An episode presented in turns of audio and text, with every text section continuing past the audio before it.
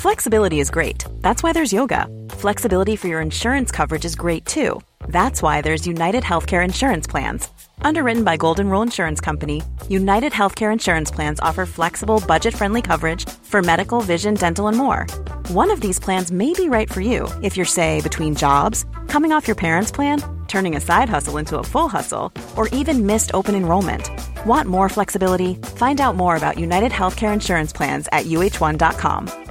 This Mother's Day, celebrate the extraordinary women in your life with a heartfelt gift from Blue Nile. Whether it's for your mom, a mother figure, or yourself as a mom, find that perfect piece to express your love and appreciation. Explore Blue Nile's exquisite pearls and mesmerizing gemstones that she's sure to love. Enjoy fast shipping options like guaranteed free shipping and returns. Make this Mother's Day unforgettable with a piece from Blue Nile. Right now, get up to 50% off at BlueNile.com. That's BlueNile.com. Quality sleep is essential. That's why the Sleep Number Smart Bed is designed for your ever evolving sleep needs. Need a bed that's firmer or softer on either side? Helps you sleep at a comfortable temperature? Sleep Number Smart Beds let you individualize your comfort so you sleep better together. JD Power ranks Sleep Number number 1 in customer satisfaction with mattresses purchased in-store. And now save 40% on the Sleep Number limited edition Smart Bed for a limited time. For JD Power 2023 award information, visit jdpower.com/awards. Only at Sleep Number stores or sleepnumber.com. Palmemordet Viktor Gunnarsson del 17 Manifestet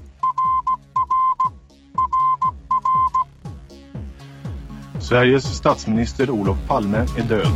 90 000. Ja, det är mord på Sveavägen. Hörde de säger att det är Palme som är skjuten. Mordvapnet med säkerhet är en Smith Wesson, en revolver kaliber .357. Inte ett svar. Finns inte ett svar. För jag har inget och jag har inte varit Polisen söker en man i 35 till 40-årsåldern med mörkt hår och lång mörk rock. Välkomna till podden Palmemordet som idag görs av mig, Tobias Henriksson på PRS Media. Research till dagens avsnitt har även gjorts av Runo Jöns Jeppsson. Det här avsnittet görs i samarbete med Maxulin. Maxulin är ett kosttillskott för vanliga män över 35. Om du beställer via maxulin.se palme deltar du i en utlottning av en Palmevandring. Och er guide, ja det blir såklart poddens skapare, Dan. Om ni som lyssnar vill hjälpa podden att överleva och se till att vi kan ta oss an stora spår, som till exempel polisspåret, gå in på patreon.com palmemordet, alltså p-a-t-r-e-o-n.com och donera en summa som podden får per avsnitt. Det är från er lyssnare vi får de största inkomsterna, så alla bidrag är välkomna. Idag ska vi prata om det utkast till bok som Viktor Gunnarsson skrev, men som refuserades av förlag i Sverige. Anders Leopold har valt att kalla det Manifestet och det är det namn vi kommer att använda här. Detta manus gavs alltså inte ut, men Anders Leopold har publicerat det i sin helhet på leopoldreport.com manifest.html.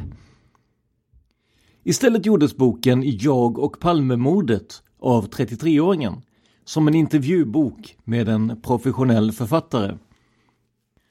Först en varning till er lyssnare.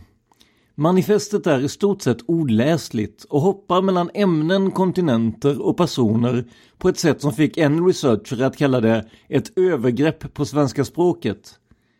Men det finns stråk av det hela som kan vara intressant för historien, så vi vill ändå dela med oss av det. Om ni inte är väldigt intresserade av Viktor Gunnarsson och hans sätt att hantera språk bör ni inte läsa manifestet, utan hålla er till vår sammanfattning. Detta sagt för att värna om er och bespara er mödan. Vi börjar med att citera ur Anders Leopolds bok Jag sköt Olof Palme. Här får vi bland annat veta att Viktor skriver om sig själv under andra namn i manifestet. I alla fall är det så det verkar, efter att ha läst den här passagen. Citat boken. Efter sitt misslyckande som lärarvikarie och den fullständigt nedgörande kritiken från Polismyndigheten drog Gunnarsson 1982 till Indien och en hippie-tillvaro. Han återkommer ofta i manifestet till sin vistelse i Indien som varade i omkring åtta månader. Jag återger en del av hans berättelse.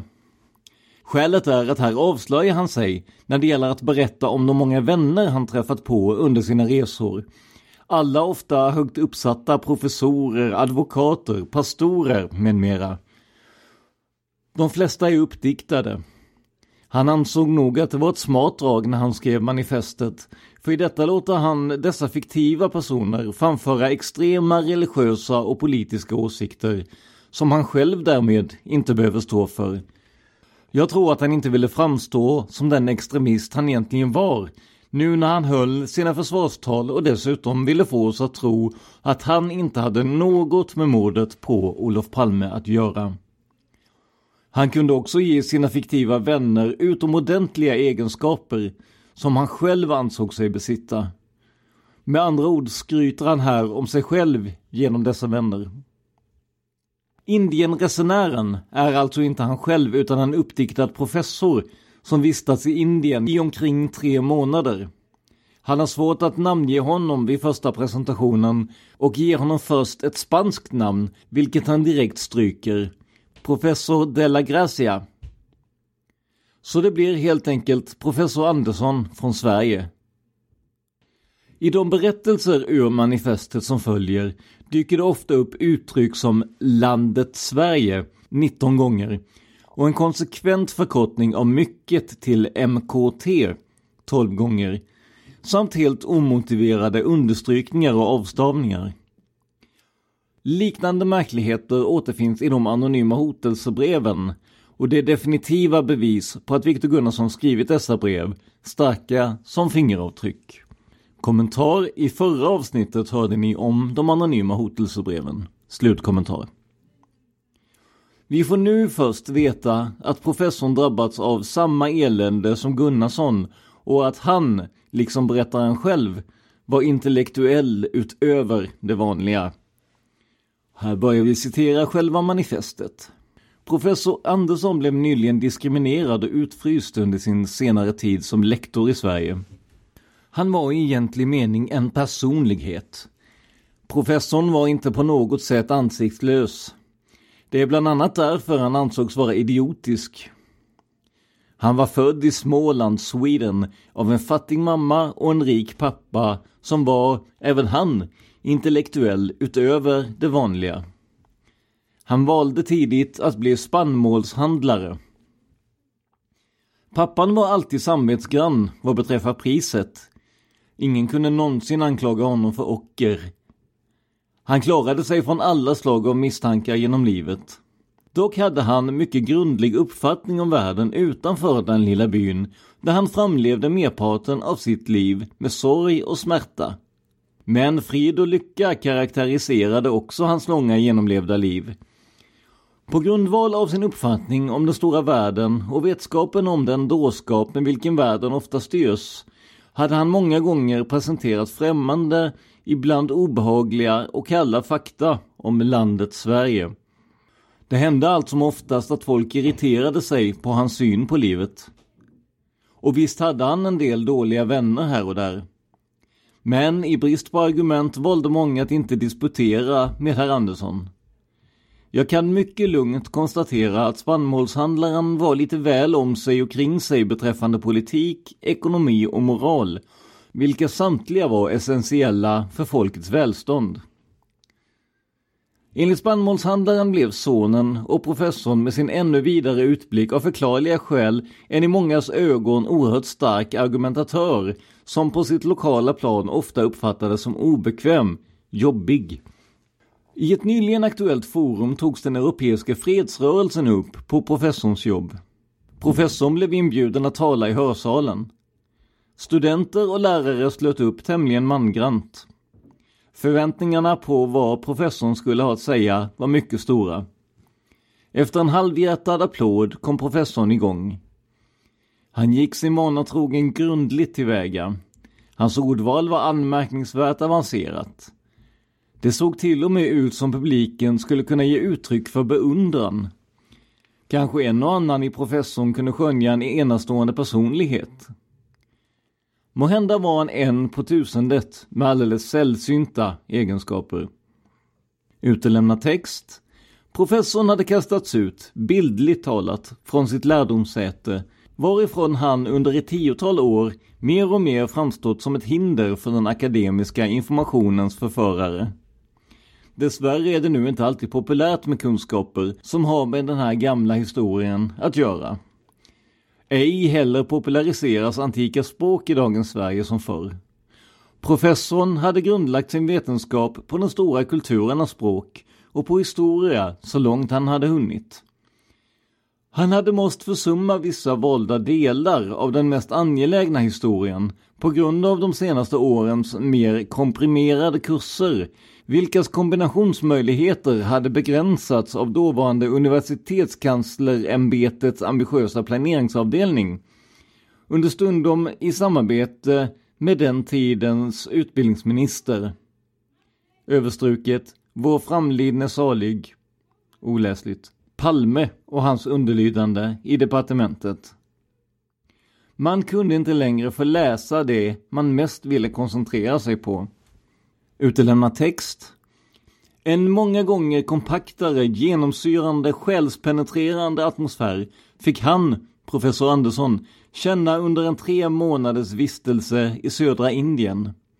Vår vän professorn tänkte först att det kanske var den utbredda fattigdomen som påverkade hans psyke.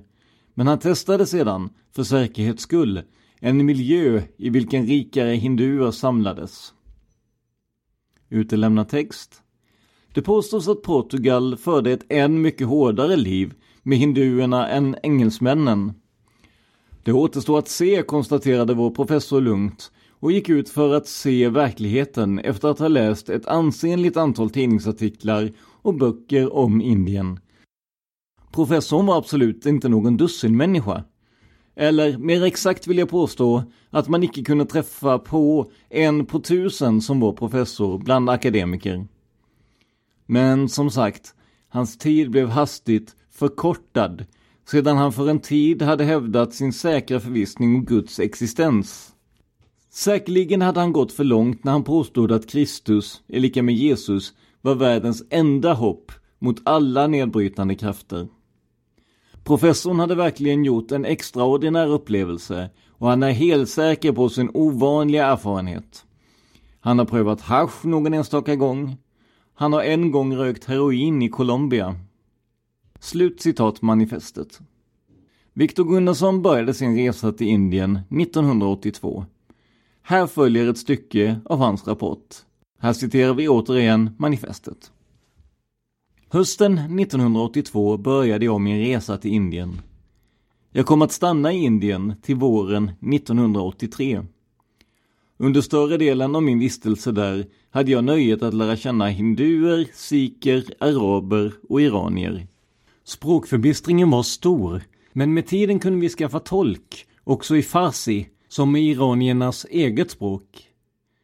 Av naturlig nyfikenhet frågade jag iranierna om anledningen till att de bosatt sig i ett land som Indien. Nästa naturliga spörsmål var om de visste något om Sverige och regeringen Palme.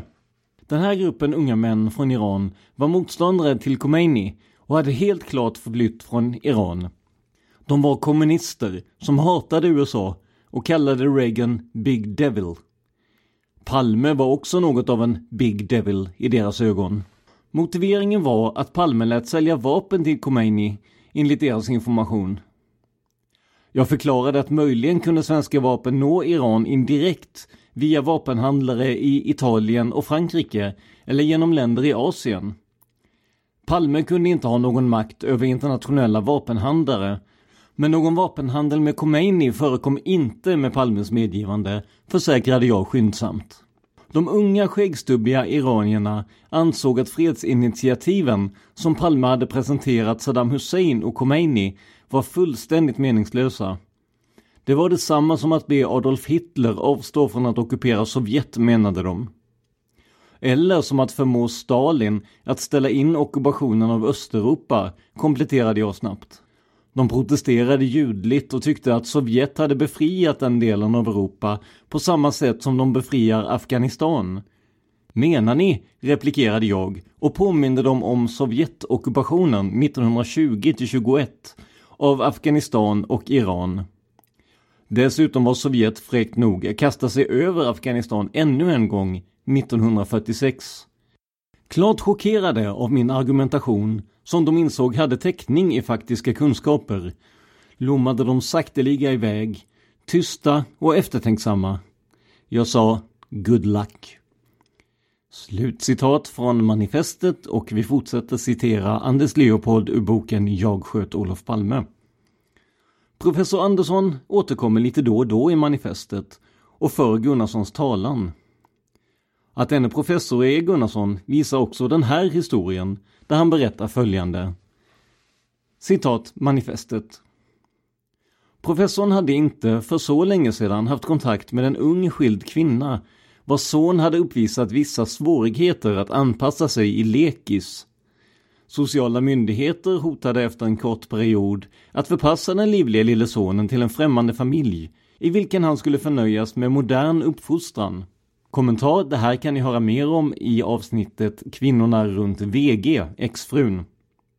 Citat Anders Leopold. Han har glömt att han på sida 8 låtit professorn berätta den här historien.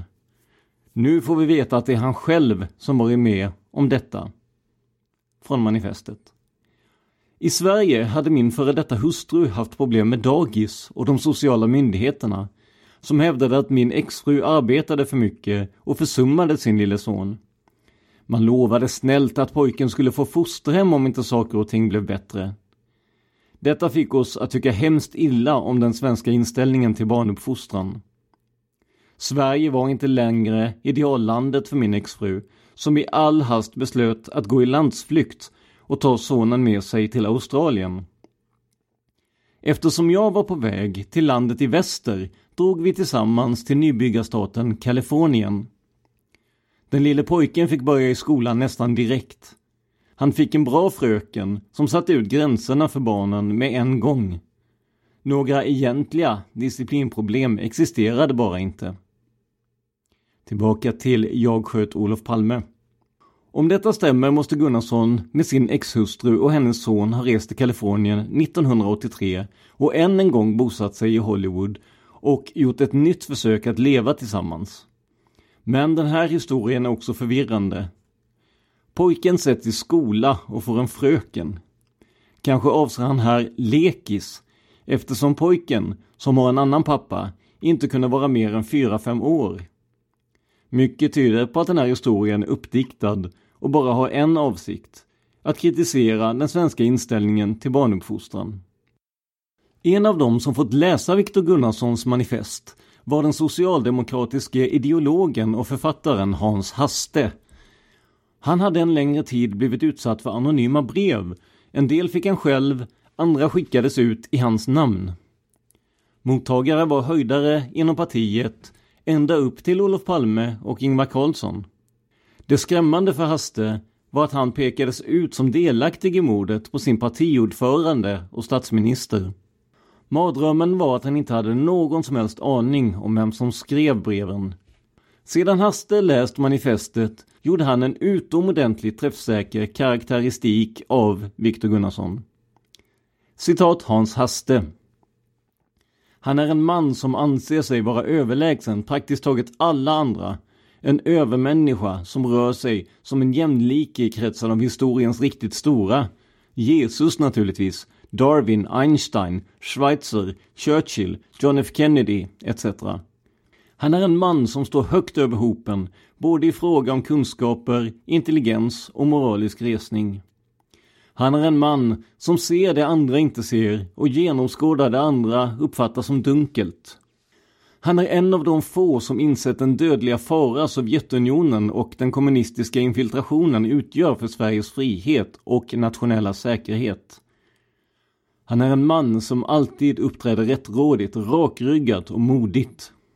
Han är en man som till följd därav, likt många andra av historiens stora gestalter, får lida mycket. Han är en man kallad att utföra något stort, kanske att rädda citat, landet Sverige, slutcitat, ur det elände som främst Olof Palme försatte i. Han är en man som i en värld av feghet, lögner, förräderi och annan mänsklig låghet ändå är förvissad om att sanningen och rättvisan med hans eget och Guds bistånd till sist ändå ska segra. Slut citat Hans Haste. I Gunnarssons manifest kan man uppleva honom i tre olika identiteter. Det finns stunder när han ser 33-åringen som en annan person, men ändå accepterar att de har något gemensamt.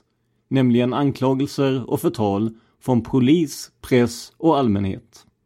Han skriver 33-åringen är inte avskriven, enligt mer eller mindre inofficiella poliskällor och enligt GT för några dagar sedan. GT fortsätter således att spy galla över oss. Det blir på något sätt avslöjande när han skriver oss. Han själv som just då skriver och den andra som han just då berättar om. De tre personerna jag urskiljer, det vill säga Anders Leopold, kan jag beskriva så här. Citaten är ordagrant hämtade ur manifestet. Viktor Gunnarsson. Den i ungdomen utfryste och diskriminerade, den religiösa grubblaren och fanatiken, vars Gud ger honom, citat, extraordinär styrka i själ och kropp, slut citat, så han mot alla regler kan vandra i det svarta gettots tunnelbana i New York och mellan stridande PLO-soldater och israeler som går på kyrkliga möten och lyssnar på morgonandakten. Som frälser vänner från sprit och dåliga kamrater, som utses till syndabock och som, citat, offras för att åsiktsförtryckarna skulle få sitt, slutcitat. Och som Jesus på korset utropar, citat, Gud må förlåta dem, för de vet icke vad de gör, slutcitat. 33-åringen. Den, citat, oskyldige till det elaka dådet mot ex-statsminister Olof Palme, slutcitat. I Viktors ögon den skuldtyngde syndaren, som givetvis inte är han själv, citat, får vara fäst vid skampålen tills allt folk som vill se denne man i ögonen har hunnit gå förbi. Slutcitat. I Viktors ögon hjälten och befriaren, en citat, som möjligen kunde misstänkas vara före detta gerillakämpe från någon djungel i Sydamerika, slutcitat, som utklädd till invandrare, citat. It's that time of the year. Your vacation is coming up. You can already hear the beach waves, feel the warm breeze, relax and think about work. You really, really want it all to work out while you're away. Monday.com gives you and the team that peace of mind. When all work is on one platform and everyone's in sync, things just flow wherever you are. Tap the banner to go to Monday.com. Ryan Reynolds here from Mint Mobile. With the price of just about everything going up during inflation, we thought we'd bring our prices down. So to help us, we brought in a reverse auctioneer, which is apparently a thing. Mint Mobile unlimited premium wireless. Ready to get 30, 30, bit to get 30, bit to get 20, 20, 20, bit to get 20, 20, bit to get 15, 15, 15, 15 just 15 bucks a month. So, Give it a try at mintmobile.com/switch. slash $45 up front for 3 months plus taxes and fees. Promo for new customers for limited time. Unlimited more than 40 gigabytes per month slows. Full terms at mintmobile.com. This is Paige, the co-host of Giggly Squad, and I want to tell you about a company that I've been loving, Olive and June. Olive and June gives you everything that you need for a salon quality manicure in one box. And if you break it down, it really comes out to $2 a manicure, which is absolutely insane. It's also so easy to get salon worthy nails at home with Olive and June. The difference between how your nails used to look when you did them yourself and now with the Manny system is a complete game changer. The best thing about Olive and June too is it's a quick dry. Dries in about one minute, lasts for five days, and full coverage in up to one to two coats. Visit oliveandjune.com slash perfectmanny20 for 20% off your first system. That's oliveandjune.com slash perfectmanny20 for 20% off your first system. Spela utlänning på skilda platser, exempelvis på bussen och i tunnelbanan, på kaféer och restauranger, slutcitat. För att undersöka svenskens förhållande till invandrare. Vars idoler är hårdingarna Clint Eastwood, Eddie Murphy och Sylvester Stallone som, citat, vid åtskilliga tillfällen blir tagen för en polis på spaning på Sergels torg, slutcitat som ingriper mot våldet i tunnelbanan, som tvingas slåss mot en knivman, som konsumerar mängder av billiga våldsfilmer och som vet att, citat, kvisslingar och förrädare skjuts i ryggen. Slutcitat. Vic Gunnison Världsmannen, svensk-amerikanen, världsfrälsaren, citat, som kan läsa på 13-14 språk, slutcitat. Vars förebild är John F Kennedy, som har storslagna lösningar på allt från världens stora kriser till hur det avkristnade, citat, landet Sverige, slut citat, ska rehabiliteras. Som ger Günther Wallraffs rapport med beröm godkänt som likt en wallraff testar vaksamheten på ett svenskt företag som i brist på tid inte kan engagera sig i flyktingarnas situation. Som vid ett besök i Rom ska, citat, försöka ta en stunds audiens hos JP, Johannes Paulus, påven, slutcitat. När Gunnarsson ska bedyra sin oskuld blir han upprörd och förvirrad. Han uttrycker sig grumligt och osammanhängande och språket svajar. Citatmanifestet 10 april 1987.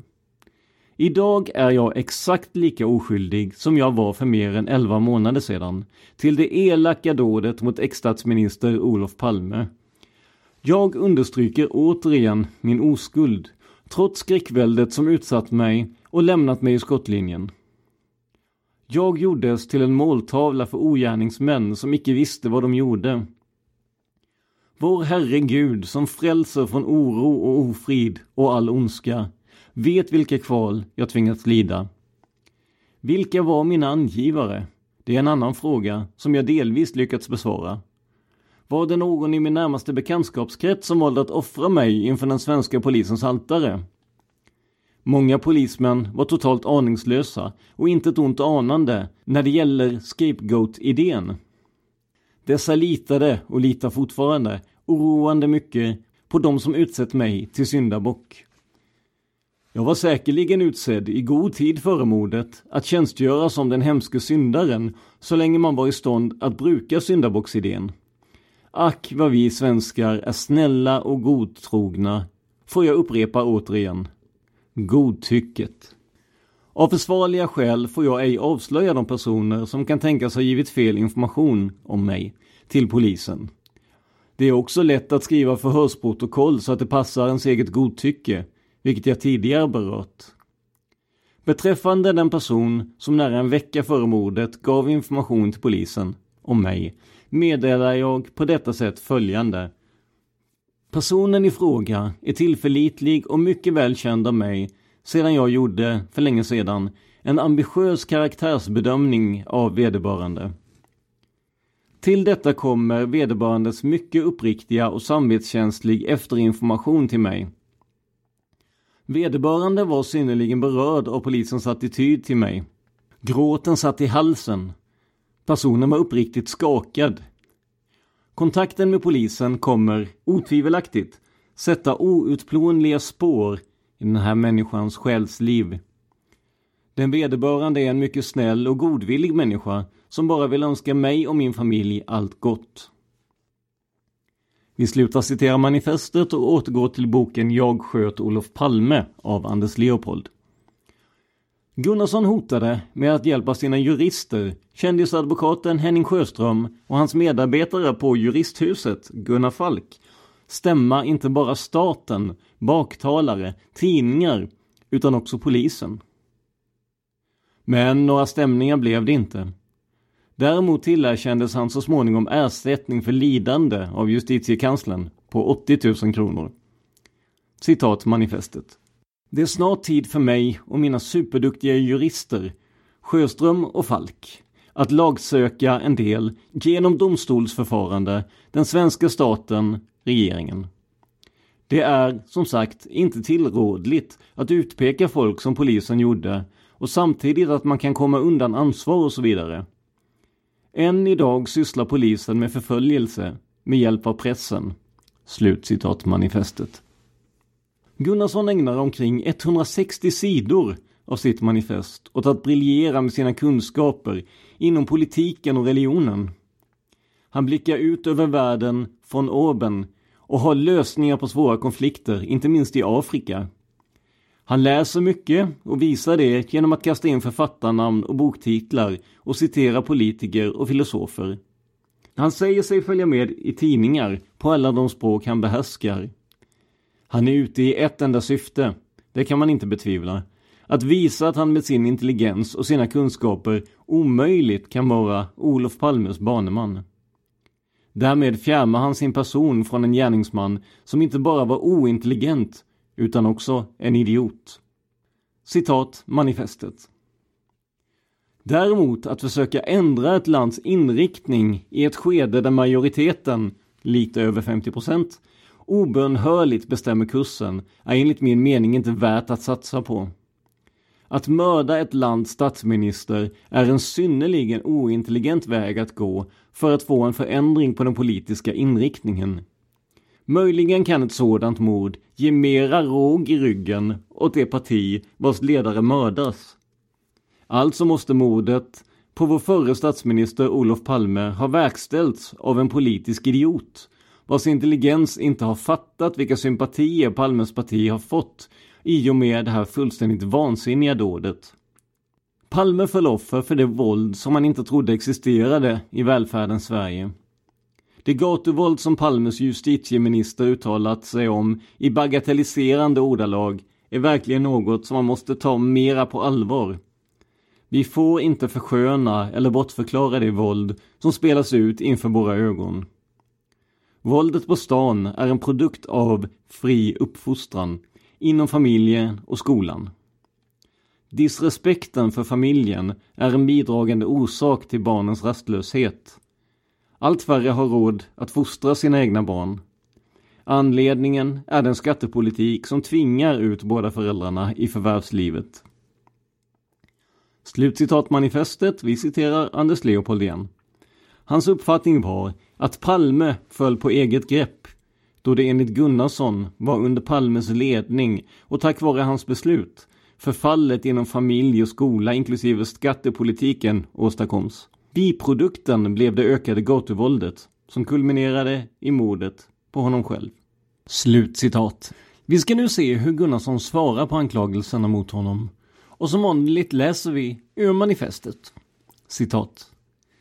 Och nu till de falska anklagelserna och falska vittnesmålen mot mig. En mycket viktig bit i pusslet var hur det var med händelsen på biografen Saga. För att klara av ett pussel måste man för det första använda pusselbitar som finns och passa ihop dem. Dock får man inte såga till bitarna bara för att det ska passa en själv. Man får heller inte tvinga ihop bitar som inte går att passa ihop. I frågan om mitt påstådda besök på Sagabion har det ryktats att en nära släkting till mig skulle ha sett mig där den aktuella kvällen. Efter att ha kollat upp med mina släktingar, inklusive sysslingar i Sverige och Amerika, fick jag bekräftat att ingen av dem ens så mycket som uppehöll sig i Stockholmsområdet den 28 februari. Det kostade nära 400 kronor att kolla upp det hela med släktingar i USA. Sagabion har jag besökt få gånger under min tid i Stockholm. Dels för att se på film och dels för att ringa i telefonautomaten. Däremot har jag varit på Rigoletto och Filmstaden väldigt många gånger. Anledningen är att de flesta intressanta filmerna går på Rigoletto och Filmstaden. Av motsatta skäl har jag mycket sällan varit på Saga eller Grand eller Riviera. På filmen Morrhår och ärtor hade jag, skulle jag bara ha gått på om en vän önskat se den tillsammans med mig. Så var inte fallet under den här perioden. Det är säkerligen ingen dålig film om Gösta Ekman står för den. Polisen påstår att minst två personer har sett mig på morrhår och ärtor på Saga kvällen då mordet inträffade. Jag påpekade att de måste ha förfärligt dålig syn om de tror sig ha sett mig där. De är i så fall skevögda eller har de ledsyn. Det kan vara en person som på något sätt liknar mig. På samma sätt anklagas jag för att ha varit med på ett politiskt möte i Köpenhamn. På ett foto fanns en person som påminde något om mitt utseende. Jag har uppenbarligen mer än en dubbelgångare i världen. Det vimlar tydligen av dem. Clark Gable, John Gilbert och Tom Selleck. Min kompis liknar Burt Reynolds och blev förföljd för det. Förhörsledaren försökte dessutom smälla i mig att jag skulle ha gått in och tittat på morrhår och ärtor utan att betala. Det skulle visa sig att hans prackande inte gav något resultat.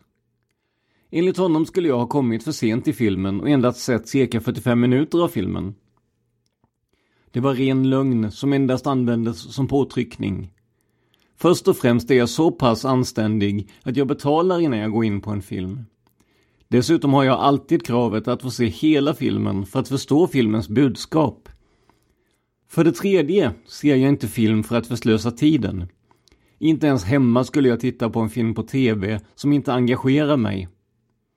Det finns som bekant en avstängningsknapp och den använder jag tämligen ofta. Det skulle aldrig falla mig in att betala för en film och se den i brist på bättre sysselsättning. För övrigt läser jag nästan alltid om filmen innan jag går och ser den. Beträffande morrhår och ärtor hade jag dock inte läst om den, utan bara sett reklamen utanför bion. Jag har fortfarande varken läst om filmen eller sett den.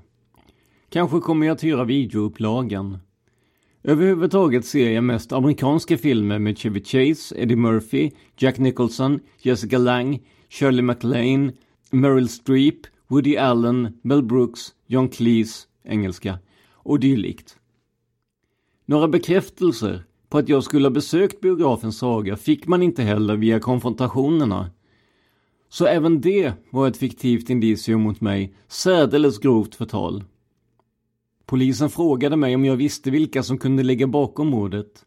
Jag svarade att det kan vara så enkelt som att en grupp som har försökt komma in i Sverige har vägrats uppehållstillstånd i sin sista instans, det vill säga regeringen Palme. Detta har väckt hat i den här gruppens hjärta och man har slutligen beslutat att hämnas på Palme, regeringschefen. Slutcitat manifestet. På senare tid har vi ju hört mycket om Skandiamannen och även Viktor Gunnarsson berör honom i sitt manifest. Citat manifest.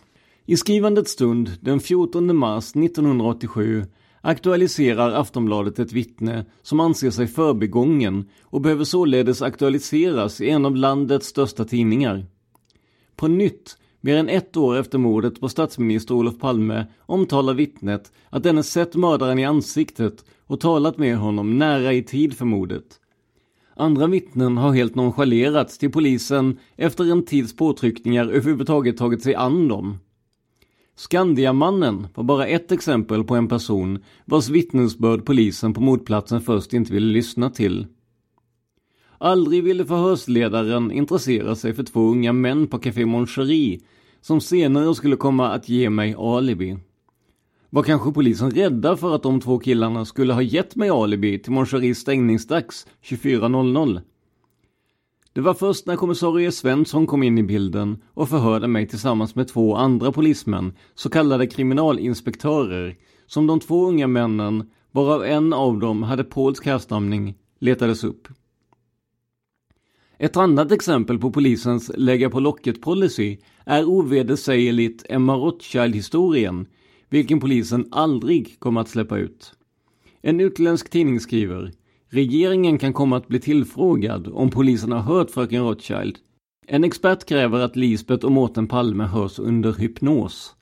Detta förkastas omedelbart av Hans Holmér, som i egen hög person förhörde fru Lisbeth Palme. Dock tog det oförsvarligt lång tid innan åklagaren fick del av fru Lisbeth Palmes vittnesbörd. Det var ingalunda något ordentligt förhör. Var Hans Holmérs förhör med fru Palme bandat eller bara nogsamt nedtecknat. Fick fru Palme träffa Skandiamannen personligen och utbyta eventuella minnesbilder tillsammans med åklagare och en representant för förhörsledningen? Frågan upprepas. Varför var det just Hans Holmér själv som på eget initiativ utfrågade fru Lisbeth Palme? Holmér var inte ens chef för våldsroteln hade inte rikspolischefen lika stor anledning att åta sig arbetet som chef för spaningsledningen än när Palmemordet självfallet var en riksangelägenhet av högsta dignitet? Var det då inte också på sin plats att riksåklagaren skulle gått in som förundersökningsledare? RPS och RÅ kunde då lämpligtvis ha assisterats av chefen för våldsroten samt av Rikskriminalen och någon av Sveriges styvaste åklagare, exempelvis KG Svensson, plus några andra väl meriterade åklagare. Somliga fick inte sitta med i Palmerummet. Slut citat manifestet. Så vad går egentligen att utläsa ur det här manuset? Jag tog VG-fantasten Runo Jöns Jeppsson till hjälp då han har läst detta ett flertal gånger och vi ska nu se vad han kommit fram till. Han börjar med punkten estetik. Det är oläsligt och ger ett intryck att vara skriven av en galen människa. Förutom stavfelen och de mer klassiska felen som dubbla negationer och dylikt så är det en våldtäkt på det svenska språket. Vic, Leonard, Victor und so weiter borde aldrig få fatta tag i pennan och skrivit detta elände. Freud. Naturligtvis är karln galen. Det är den första tanken man får. Men om man vill se djupare på det så måste man definiera för sig själv vad ordet galenskap faktiskt är. Det finns ett psykologiskt begrepp som jag tror Freud införde, vilket heter svag självbild. I sina kontakter med andra människor, så även om de är rätt ytliga, så har de ändå ett konkret själv. I manifestet så illustrerar Wick denna diagnos på ett rätt extremt sätt. Anders Leopold har i sin bok gått igenom detta mycket tydligt. Dessa professorer och alla är Vick, alla är Leonard Olsson, alla är Viktor Gunnarsson. Det finns drag av Jim Jones över honom. En vanlig människa söker sig till sin nästa för att slippa tråkigheten. Jag tror att VG sökte sig till sin nästa för att finnas till. Skillnaden är väldigt, väldigt stor. Forskning. Att använda manifestet för seriös forskning går. Efter arbetet med att intervjua exfrun Jeanette så står vi inför vissa rätt eh, obehagliga uppgifter om VG. Antastat tolvåringar, startat sekter, misshandlat små barn, ett extremt ego och så vidare. Att lita på hennes uppgifter är naturligtvis inte seriöst ifall de inte kan bekräftas. Vick beskriver en gång, han blir ärlig i manifestet och denna uppgift går att dubbelkolla då han blev uppsagd ifrån sitt arbete. Han beskriver denna misshandel med orden en italiensk örfil. Jag, det vill säga Runo, har aldrig slagit ett barn och jag skulle aldrig kunna föreställa mig då jag gjorde det. Det säger mycket om hans syn på andra. Sen ger Runo sin syn på Viktor Gunnarsson utifrån manifestet. Problemet med Vick är, vem blir mördad 30 mil ifrån sitt hem? Varför slänger FBI upp en efterlysning när han försvann? Det gör man inte speciellt ofta. Så vem var denna mycket mystiska man? Manifestet kan tyvärr inte besvara den frågan. Det finns rätt skumma detaljer ifall man går igenom hans adressbok, vilket den fantastiska privatspanaren Tobias Jeppsson har gjort. Problemet som faktiskt uppstår är att väldigt många av dessa utländska adresser ligger otäckt nära diverse CIA-baser. På frågan vem Vick var finner man inget svar i hans fruktansvärda bok. Att avfärda Viktor Gunnarsson, som Hans Holmér gjorde, var ett enormt misstag. Manifestet går att använda i forskningssyften, precis som Anders Leopold har gjort. Den berömda historien om de brev som förmodligen Wick skrev. Efter intervjun med en av dem som mötte Viktor Gunnarsson blir hans bok ännu skummare. Leopold har noga gått igenom att alla personer i Wicks bok är han själv. Men varför är Wege där han är? Vem åker ner till Israel och byter namn där? Vem har ett foto av sig själv på nattduksbordet? Hur mycket sanning ligger det i att han gick och la sig naken jämte sin mormor? Och så Runos sammanfattning. Kort och kärnfullt, läs inte manifestet. Stort tack Runo för hjälpen med det här avsnittet och jag instämmer till fullo i den analys som kommer. Om ni vill läsa manifestet i sin helhet, gå in på leopoldreport.com manifest.html. Palmemordet finns på facebook.com palmemordet. Gå gärna in och kommentera avsnitten och gilla sidan. Vi finns också på Youtube. Bara sök på Palmemordet. Det här avsnittet gjordes av mig, Tobias Henriksson på PRS Media. För mer information om mig och företaget, gå in på facebook.com prsmedia.se eller besök hemsidan på www.prsmedia.se. Tack för att du lyssnar på podden Palmemordet. Man hittar Palmes mördare om man följer PKK-spåret till botten. Därför att ända sedan Julius Caesars tid har det aldrig hört talas om ett mord på en framstående politiker som inte har politiska skäl. Polisens och åklagarens teori var att han ensam hade skjutit Olof Palme. Och det ledde också till rättegång.